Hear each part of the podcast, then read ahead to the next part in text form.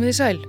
Líkt og í síðasta þætti í ljósi sögunar verður hér fjallaðum sögu hinnar stríðssjáðu þjóðar í norðanverðum Kákasusfjöllum Tjetsjana og landsins sem við hana er kent, Tjetsjeníu. Við skildum í síðasta þætti við Tjetsjeníu höstið 1996 þegar vopnallið samningur batt enda á nálega tveggja ára styrjöld við rúsa sem orðið hafði 20.000 að aldur til að. Í stríðslokk var Tetsjenija í rúst. Í höfuborginni Grosni stóð ekki steinni við steini en það hafði borgin þurft að þóla einhverjar mestu loftárásir evróskrar sögu frá því að þinn þíska Dresden var sprengt í setni heimstyrjöld. En Tetsjenija var þó sjálfstæð, svona einlega, Rússar hafðu ráðist inn í Tjetjeníu til að hveða nýður tilraun Tjetjena til að lýsa yfir sjálfstæði frá Rúslandi en eftir að sami varum vopnalli og rúsneski herin hörfaði stóð Tjetjeníu eftir svo gott sem sjálfstæð. Það voru kannski fáir í alþjóða samfélaginu sem viðurkendu sjálfstæði Tjetjenska ríkisins en rússar skiptu sér alltjent ekki mikið af því. Tjetjenar stóðu einir. Rúsar hafðu ráðið sjálfstæðisleitóan Djókar Dútajev af dögum á síðustu vikum styrjusins. Hersöðingi hans, maður að nafni Aslan Maskatov, var kjörin fórseti í hans stað í kostningum í janúar 1997. Eftirlitsmenn Öryggis og samfunnustofnunar Evrópu fyldust með kostningunum og gerðu fáar aðtöðasendir. Maskatov 45 ára, fættur og uppalinn í útlegð í Kazakstan, fyrfirandi yfirmaður eldflugasveita sovjerska hersins í Litáen, var kjörinn fórsett í Tjetseníu eða Ítskeríu eins og næstum sjálfstæða ríkið kallaðist með 60% atkvæðan.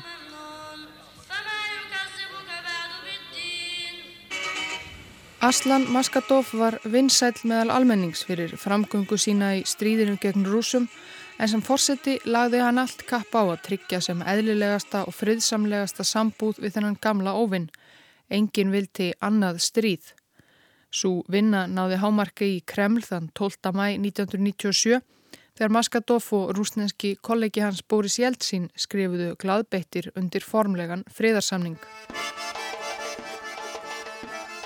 En heimafyrir var róðurinn Maskadov erfiðari. Þegnar hans hefðu þurft að þóla ómældar raunir í stríðinu og ekkert lát var á þeim þó að samið hefði verið um frið. Á bylinu 60 til 70% þjóðarinnar höfðu mist heimili sín, tjetsenar eru vera merkja um 900.000 talsins og 2000 voru enn á vergangi. Sjúkrahúsin voru enn yfir full af særðu fólki. Innviðir ríkisins voru í rúst, versmiður og vinnustæðir eðilaðir, 80% þjóðarinnar var án atvinnu og þau sem þó unnu fengu sjaldan greitt laun því efnahagurinn var í algjörum lamasessi. Og enn fleira gerði nýja fórsetanum Maskadov erfitt fyrir. Það var ekki bara tjetjenski her hans sem hafði rakið rúsana á brott á sínum tíma. Eins og sagt var frá í síðasta þætti mynduð tjetjenar í stríðinu ótal vígahópa og varnarsveitir og leðtógar þessara hópa urðu ofta á tíðum aðsópsmiklir, stríðsherrar einfallega og þeir voru fæstir spendir fyrir því að gefa svo völd sín og áhrif upp á bátinn í stríðslokk. Allræmdastur stríðsherrana var maður að nafni Sjamil Basajev. Forföður hans höfðu barist gegn rúsum kynnslóðum saman og sjálfur var hann skýrður eftir einni af mestu hetjum tjetsjana í stríðinu við rúsnenska keisaradæmið á 19. öld. Það láti fyrir honum að fara fyrir einni harðsvíruðustu hersveit tjetsjana í stríðinu við rúsnenska sambandsliðveldið í lok þeirrar 20. Og Sjamil Basajev hikaði sjaldan við að beita aðferðum sem í raun voru hriðjuverk frekar en hernaður. Til dæmis í júni 1995, þegar stríðið stóð sem hæst, réðust Basajev og menn hansinn í sjúkrahús í Stavropol, rúsnesku héræði sem á landamæriða Tetsinju. Þar tóku þeir á annað þúsund sjúklinga í gíslingu og hótuðu að myrða þá ef rússar myndi ekki hætta hernaðaraðgerðum í Tetsinju. Rúsneskar sérsveitir reyndu fyrst að ráðast inn í spítalan til að frelsa gíslana. Það fór illa Á bylinu 140 til 200 gíslar dóu í áhlupinu. Að lokum neittist Boris Jeltsin fórseti til að semja við Basajev og gíslatökumenn hans.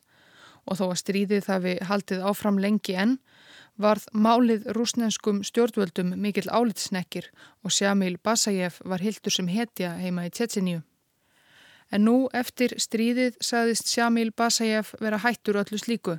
Hann fór í jakkaföld í stað herrklæðana og bauð sér fram til forsetta gegn Aslan Maskadov en hlaut svo aðeins rúm 20% atkvæða. Tjetjenska þjóðin var enda orðin langt þreytt á stríði og sífældum fjandskap og vildi frekar sáttatón Maskadovs en Basajev sem ennu var herskár í máli þrátt fyrir snirtileg jakkafutin. Maskadov vissi þó sem var að Basajev átti sér eldheita fylgismenn enn og til að halda friðin gerði hann stríðsherran fyrverandi að forsætisráð þeirra í ríkistjórnsinni. En samskipti þeirra mörguðust af stöðugum deilum um allt og ekkert. Basajev var sérstaklega ósáttur við tilraunir Maskadovs til að bæta samskiptin við rúsa. Loks strunsaði stríðsherran úr stjórninni í fússi og fór annað. Í síðasta þætti kynntumst við einnig öðrum stríðsherra. Amir Khattab var íslamisti frá Sáti Arabíu pennavinnur landasins Osama bin Ladens og hafði barist í Afganistan, Tajikistan og Loks Tjetsinju þar sem hann fór fyrir sveit erlendra, aðalega arabískra vígamanna sem allir aðhyldust vahabisma, hérna harðineskjulegu bókstafstúlkun á Íslams trú sem sátíska konungsfjölskyldan hamparum heima allan. Og þessir bókstafstrúarmenn litu á stríð Tjetsena við rúsa sem heilagt stríð undirokaðra múslima gegn trúlausum heimsvaldsöflum. Fáir Tjetsenar tókur endar undir þá tólkun.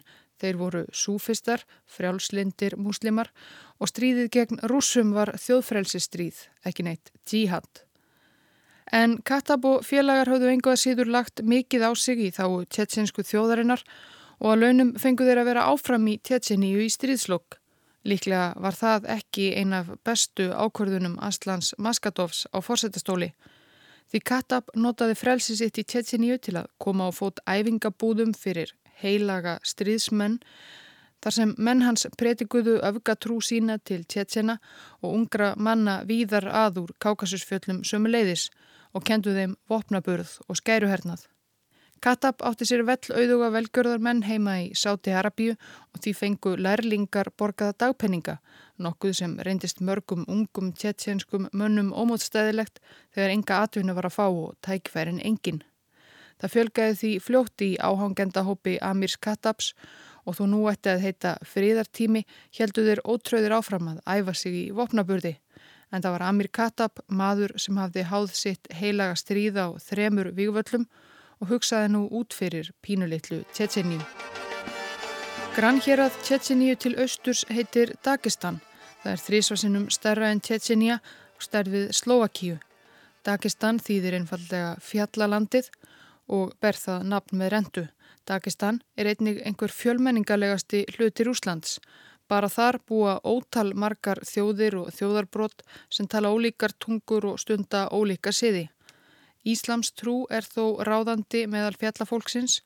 Eins og ég saði frá í síðasta þætti barst Íslam til Dagestan miklu, miklu fyrr en til Tjetjeníu. En það var þó aðalega sama frjálslinda dulspekin súfismin sem langflestir íbúar Dagestans aðhildust.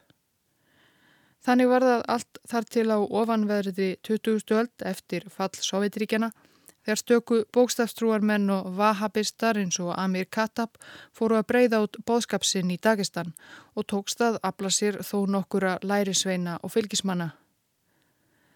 Íbúar Dagestans báru aldrei sömu sjálfstæði ströyma í brjósti og tjetjenar en það hér aðið svo menningarlega fjölbreytt að það hefði valla gengið. Eftir að Sovjetríkin leistust upp voru þeir að mestu sáttir við að fylgja Rúslandi áfram. En Amir Kattab og félagar í æfingabúðum sínum í Tjetsinju voru á allskostar öðru máli. Fyrir þá var Dagestan næsti vývöllur í hennu heilaga stríði þeirra gegn vantrúðum á heimsvísum. Á ofanverðum tíunda áratöynum hafði einn hópur herskára dagestanskra íslamistar endar klófið sig frá Dagestan og af nokkuri bjart síni líst yfir stopnun íslamsks líðveldis í nokkrum litlum fjallþorpum ekki langt frá landamærunum að Tetseníu. Þar framfylgdu þeir ströngum sjarja trúarlögum og elduðu grátt silfur við dagestunsk yfirvöld, vörðust tilraunum þeirra til að kveða niður uppreysnina og skipulögðu stöku sprengjuárásir og tilræði. Þarna sá Amir Kattab tækifæri og emdi til samstars við þessa skoðanabræðu sína. Hann byrjaði á því að giftast dóttur eins helsta íslamista höfðingja Dagestans og þann 7. ágúst 1999 réðist um 2000 manna lið íslamista, Dagestannar, Tjetsenar, Arabar og fleiri útlendingar, þeir kolluðu sig Íslömsku alþjóðasveitina, inn í Dagestan frá Tjetseníu. Fremstur í flokki innrásar hersins fór Sjamil Basajev, skæruliða fóringin sem lendaði í deilum við forsetan Aslan Maskatov.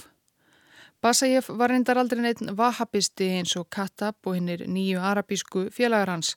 Hann var súfisti eins og flestir tjetjenar en eftir að slettist upp á vinskap hans og Maskatovs hafði hann ákveðið að ganga frekar til liðs við íslamistanna og hafði kjölfarið orðið þeirra helsti hernaðilegtói.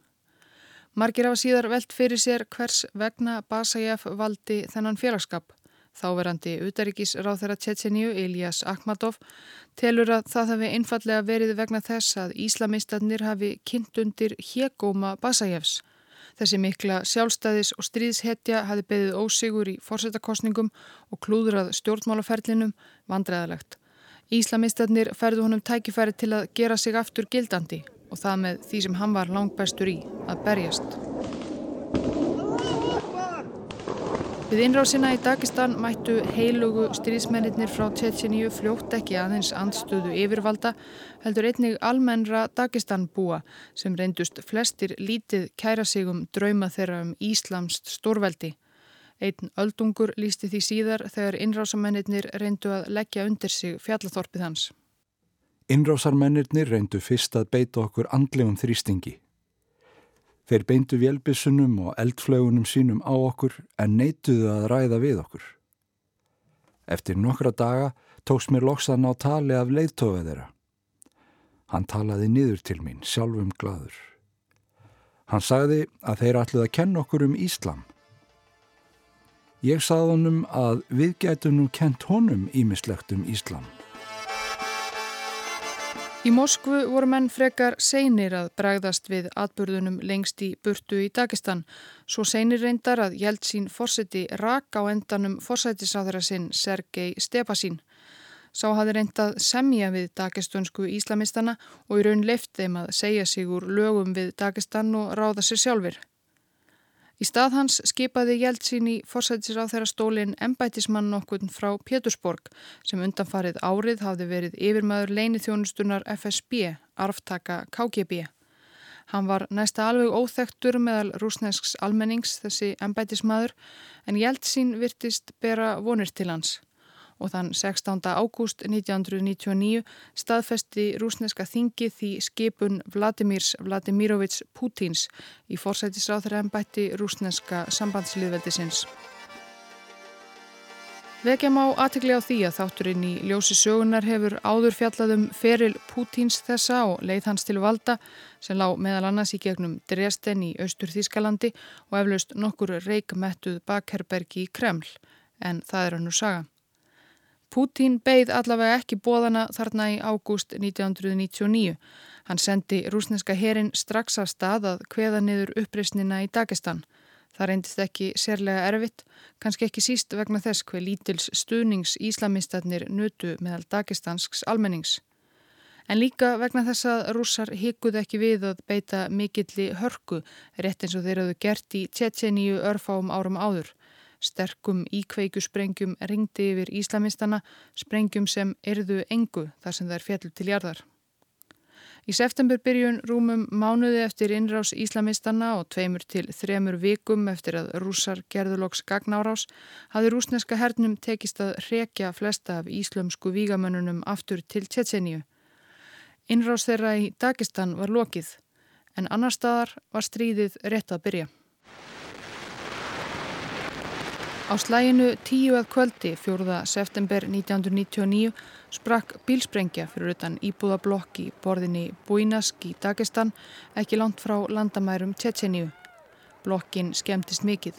64 íbúar letu lífið og annað hundrað særðust. Blokkin hýsti aðalega rúsneska hermenn og fjölskyldur þeirra og tengingin við átökin í Dagestan var augljós. Fimm dögum síðar, um miðnætti 9. september, sprakk 400 kílóa sprengja í nýju hæða íbúðablokk í suðaustanverðir Moskvu. Byggingin gjör eðilaðist. 94 fórust, 249 slösuðust. Við rannsókn kom í ljósað hver eða hverjir sem voru að verki höfðu notað hernaðar sprengiefnið RDX og virtust kunna ansi vel til verka að geta jafnað nýju hæða byggingu við jörðu. Fjórum dögum síðar, 13. september klukkan 5. nóttu, þegar flestir voru í fasta svefni, sprakk þriðja sprengjan í kjallara í búðarhús í sunnanverðir í Moskvu. Þessi bygging, áttahæða, var líka jöfnuð við jörðu. 119 íbúar letu lífið.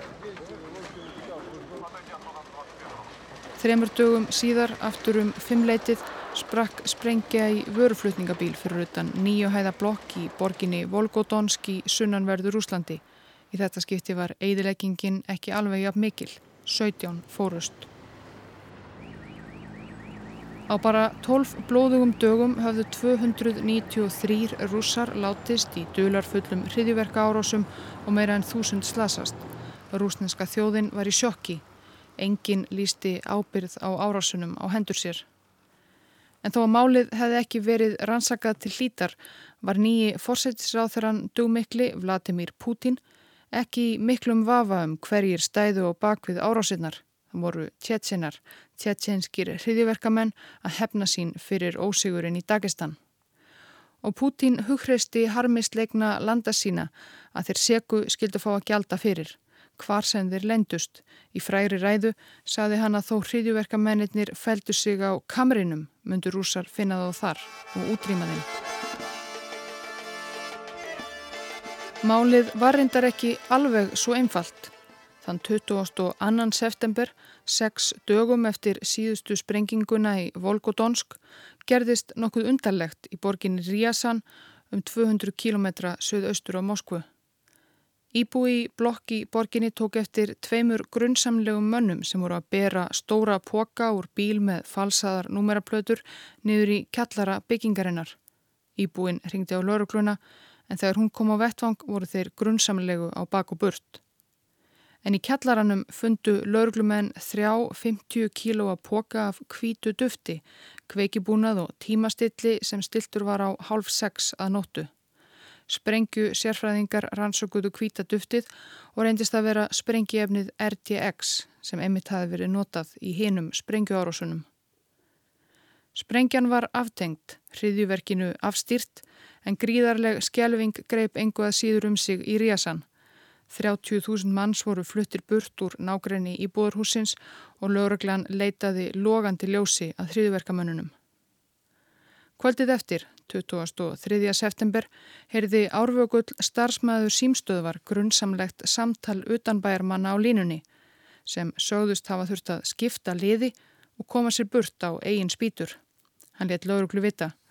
Símtalið var rakið til símstöðvar sem rúsnænska leinithjónustan FSB notaði, gamli vinnustöður nýja fórsættisáþrans því munið.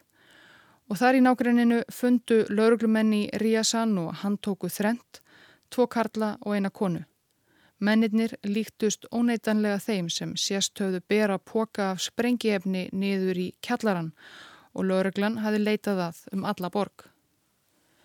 En þegar þeir voru handteknir gáttuðu líka framvísað skýrteinum sem síndu fram á að þeir voru í raun útsendarar FSB og fljótt barst lögreglunni Ríasan skipunað ofan að láta mennina lausa hið snarasta.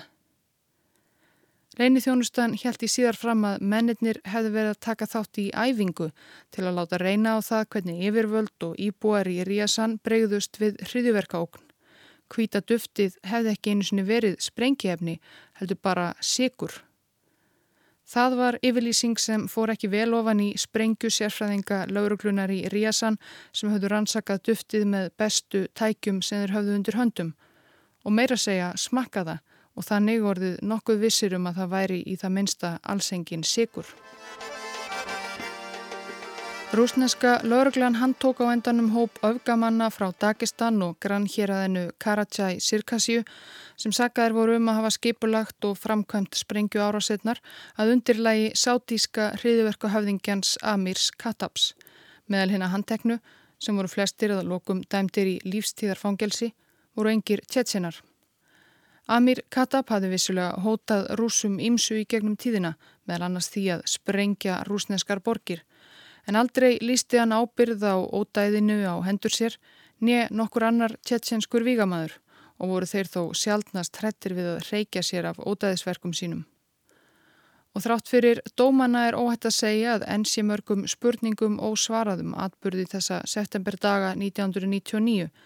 Lífseg kenning er að rúsnesk stjórnvöld eða minnstakosti leini þjónustan FSB hafi haft eitthvað með sprengju árásinnar að gera og er kannski skiljanlegt að slíkar grunnsemdir vakni eftir að flótalegir FSB-menn voru gómaðir með póka fulla af sprengiefni í kjallara íbúðablokkar og furðulegar skýringar FSB í kjölfarið um að þetta hafi bara verið æfing og bara verið sigur.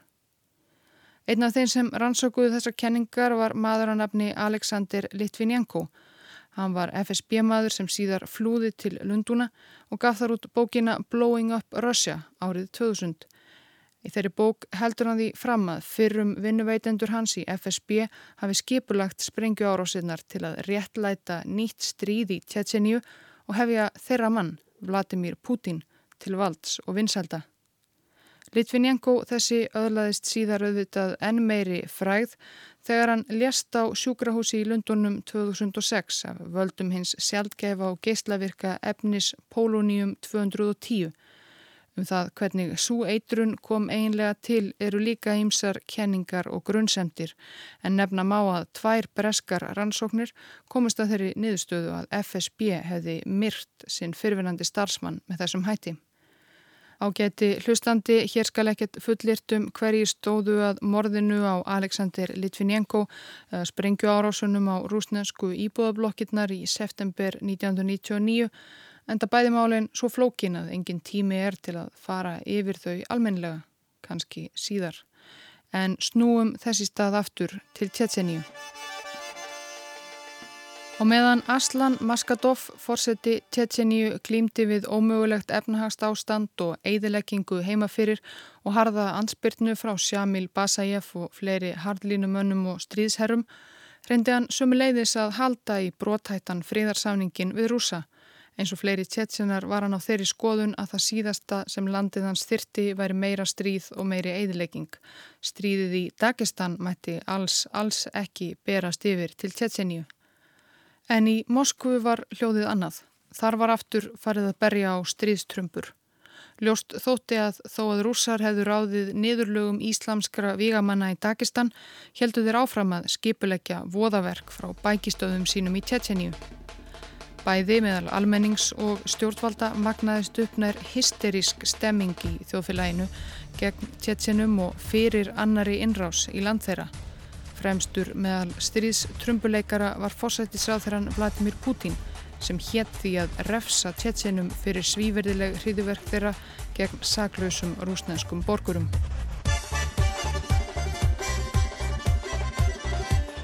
28. september 1999, þremur árum eftir að rússar og tjetsenar hafðu samið um vopnallið, hófst nýtt stríð.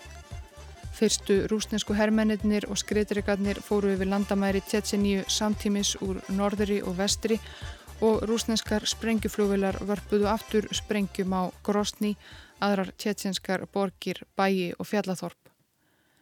Fyrra stríðið í Tjetseníu hafi verið sérlega óvinnsælt meðal rúsnesks almennings þvert á væntingar Jeltsins fórsita. Rúsar hafðu lítinn áhuga á að senda síni sína út í opin döiðan í fjarlægum útnara til að hveða neyður sjálfstæðiströyma frumstæðrar fjallathjóðar. En í þetta sinn var stemmingin önnur. Tjetsenar voru ekki lengur bara frumstæð fjallathjóð heldur hriðjuverkamenn sem hafðu drepið 300 rúsa í fasta svefni. Forsættisáþurann Putin fór mikinn, lofaði þjóðsynni að þurka tjetsenana út og rúsneskir fjölmiðlar kvöttu hann til dáða. Á meðan sprengjunum ringdi yfir Tjetseníu, líkt og í fyrrastriðinu hirti rúsneski herin ekki mikið um að koma í vekk fyrir mannfall meðal almennra borgara og í fjallathorpunum sem voru sprengt í tætlur voru á nefa mörg hundruð manns sem fjallu og voru alveg jafn saklaus og íbúar í íbúðablokkunum sprengtu í Bunask, Moskvu og Volgodonsk og meðan sprengjunum ringdi júkust vinsældir Vladimirs Putins gríðarlega.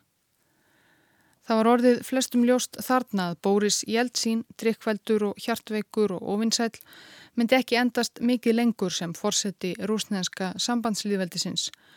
En fórsætis ráþeirar Rúslands voru nú sjálfnast til stóraðina.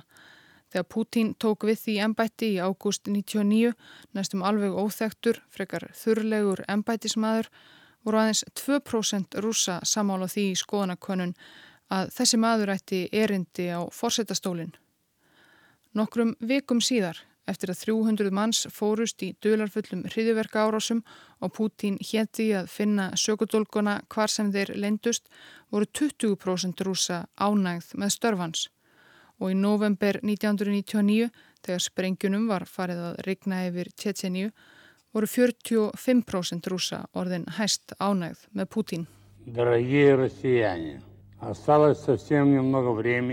Og aðdáendur Pútins þá fjölmarkir hafa ánæfa kæst á síðasta degi ársins 99 þegar í stað þess að flytja hefðbundið áramóta ávarp Bóris Jeltsin tilkynnti í ræðu í sjónvarpi að hann segði af sér ennbætti fórsetta Rúslands og síðar sama dag helt svo eftirmaður hans sitt áramóta ávarp örfáum klukkustundum eftir að hann tók við fórsetta ennbættinu.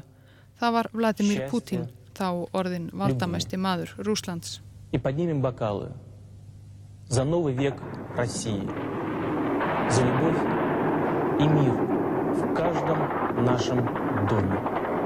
Vikum saman vörpuð rúsar sprengjum á Grosni og íbúa hennar og þeir fáu borgarhlutar sem hefðu slöppið við eigðilegginguna í fyrra Tjetjiníu stríðinu voru nú gjör eigðilaðir. Eins og í fyrra stríðinu var mannfallið meðal almennra borgarbúa mikið. Rúsar gerðu lítinn sem engan greinamun á hernaðalegum skótmörkum og íbúðarhúsum og markaðstorkum. Eftir nokkrar vikur var ástandið slíkt að saminuðu þjóðarnar staðhæfðu að engin borg hefði séð við líka eðileggingu og grostni gerði þá. Og það var engrar undankomi auðið. Rúsnenskar hersveitir réðust á borgarbúa sem reyndu að flýja út fyrir borgarmörkin og borgin var svo umkringt þjettu jarðsprengjubelti. Rúsar sendu 20.000 manna herlið til Tjetjeníu að takast á við tjetjenskar her og vígasveitir sem töldu aðeins nokkur þúsund menn. En þrátt fyrir að við ofuröfli væri að etja tókst Tjetjenum að verjast lengi með svipuðum aðferðum og þeir höfðu beitt í fyrra stríði aðeins nokkrum árum áður. Skæruhernaði, ítarlegri þekkingu á aðstæðum og borgarmynd, Kalasnikov, Riflum og Molotov koktelum og óþrjótandi hugrekki jafnvel fípldirsku við að verja heimahaga sína undan ásókn rúsa í enneitt skiptið.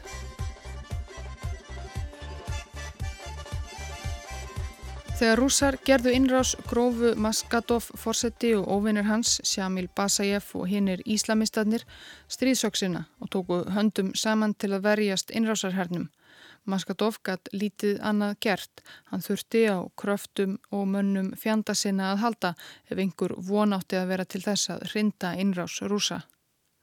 Maskadov helt lengi áfram að reynaði rétta rúsum sáttarhönd og gefa til kynna með ýmsum leiðum að hann vildi síður vera í stríði en Pútín og félagar í Kreml hlustuðu ekki á hann, svo stríðið helt áfram.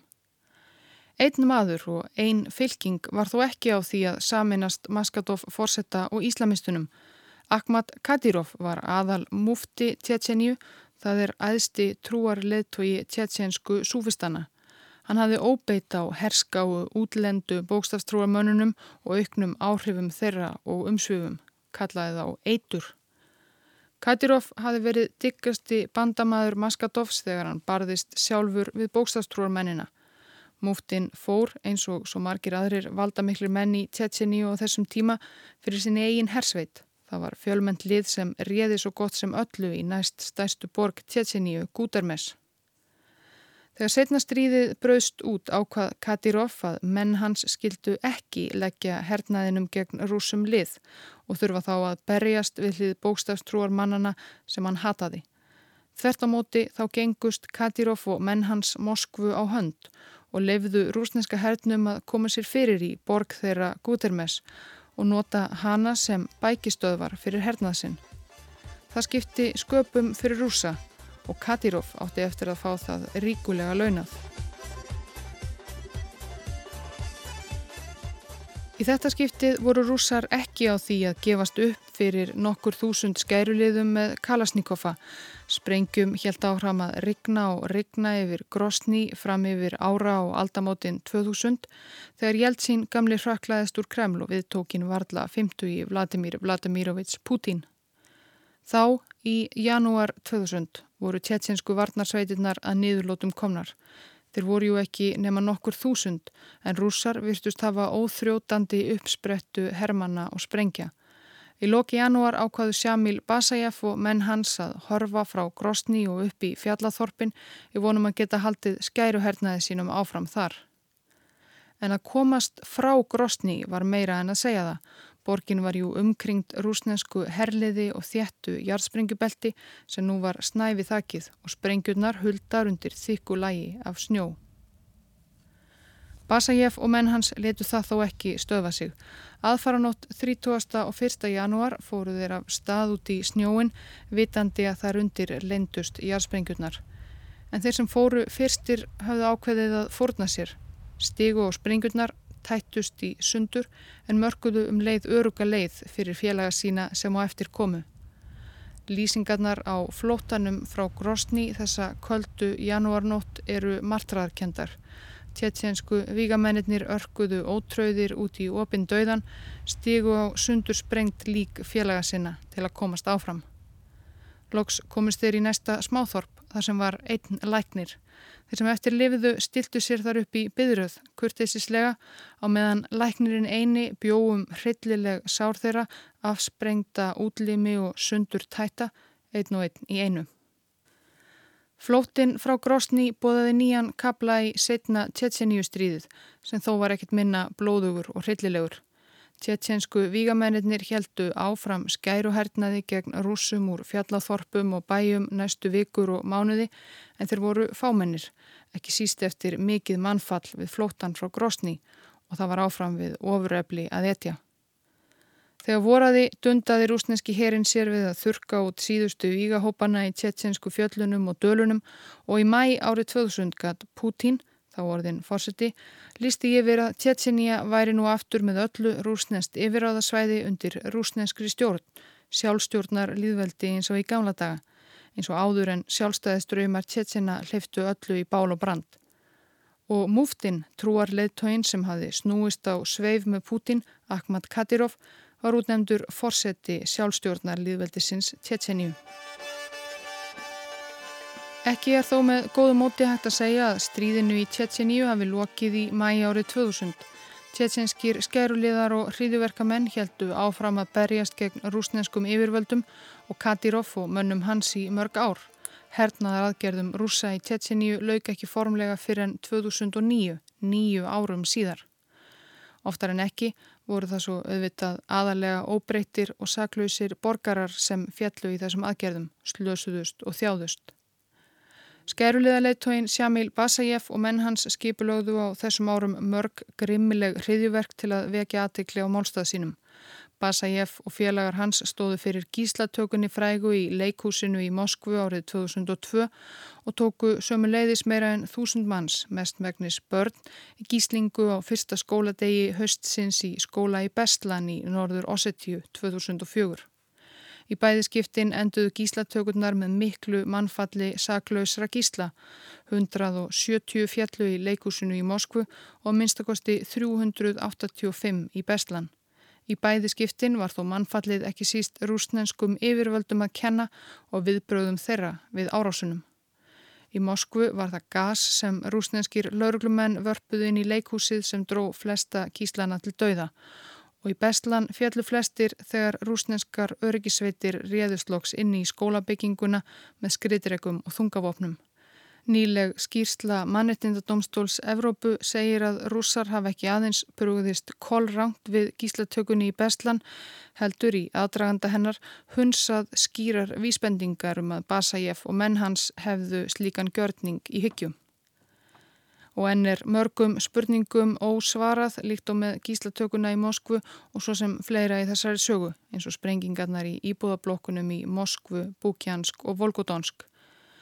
Ágæti hlustandi um þessi hryllulegu voðaverk og allar þær rannsóknir, kenningar og grunnsemdir sem um þær snúast mætti fjalla miklu nánar en til þess gefst ekki tími hér og nú.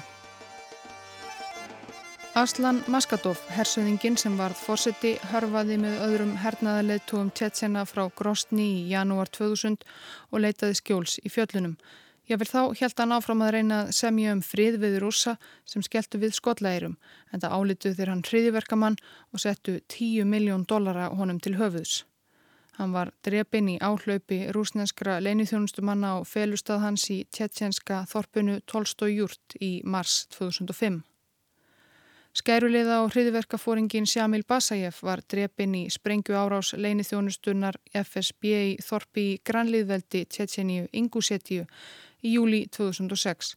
Að sögn FSB var hann þá að leggja á ráðinum hriðverka árás á G8 leðtúafund sem framfór í Santi Pétursborg nokkru síðar.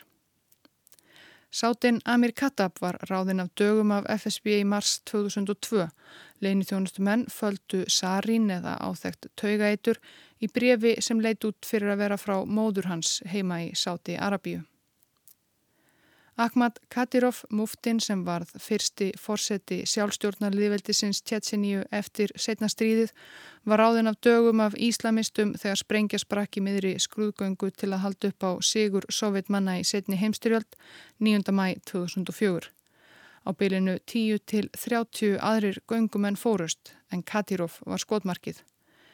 En reyndar er enn í dag Kadirov við stjórnvölinn í rúsnenska sjálfstjórnarliðveldinu Tjetseníu Eftir dauða föður síns tók sonur Katirovs við fórseta ennbættinu um leið og hann hafi fengið aldur til.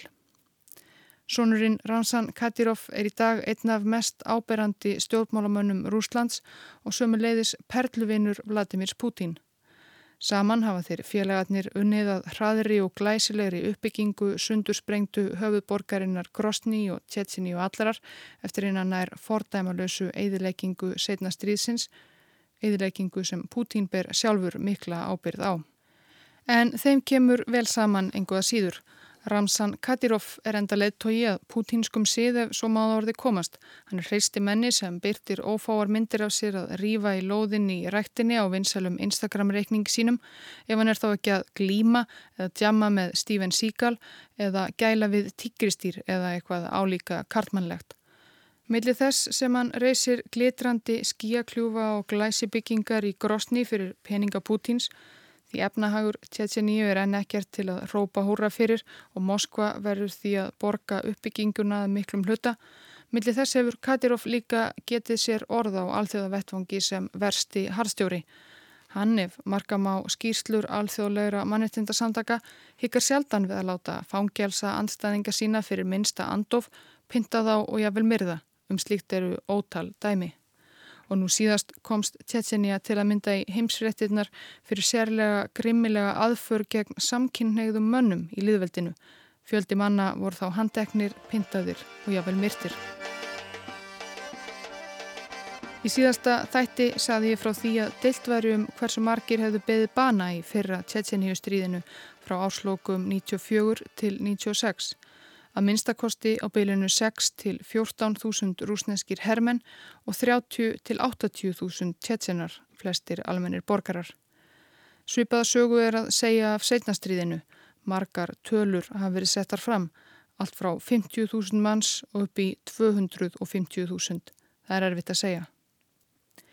Margir tjetsenar eru ánæðir með fórsetan sinnan Ramsan Kadyrov en það hefur á valdatíð hans sérstaklega á síðustu árum loksins komist nokkur ró á í Tjetjeníu eftir styrjaldar og ofriðar ástand undan farina áratuga. Kadirov heldur bæði sjálfstæðis, draumum og bókstafstrúarmönnum í skefjum og samskiptin við yfirbóðarana í Moskvu eru góð. Hann er trúreikin en heldur þó í sér tjetjenskar hefðir og reynir að geðjast sem flestum. Hann er vissulega líka spiltur og samvinskulegs harðstjóri með líf fjöldamanns á samvinskunni en miða við sögu tjetsinju hinga til er kannski skiljanlegt að almenningur vilji prófa það til tilbreytingar að lifa í friði og róm.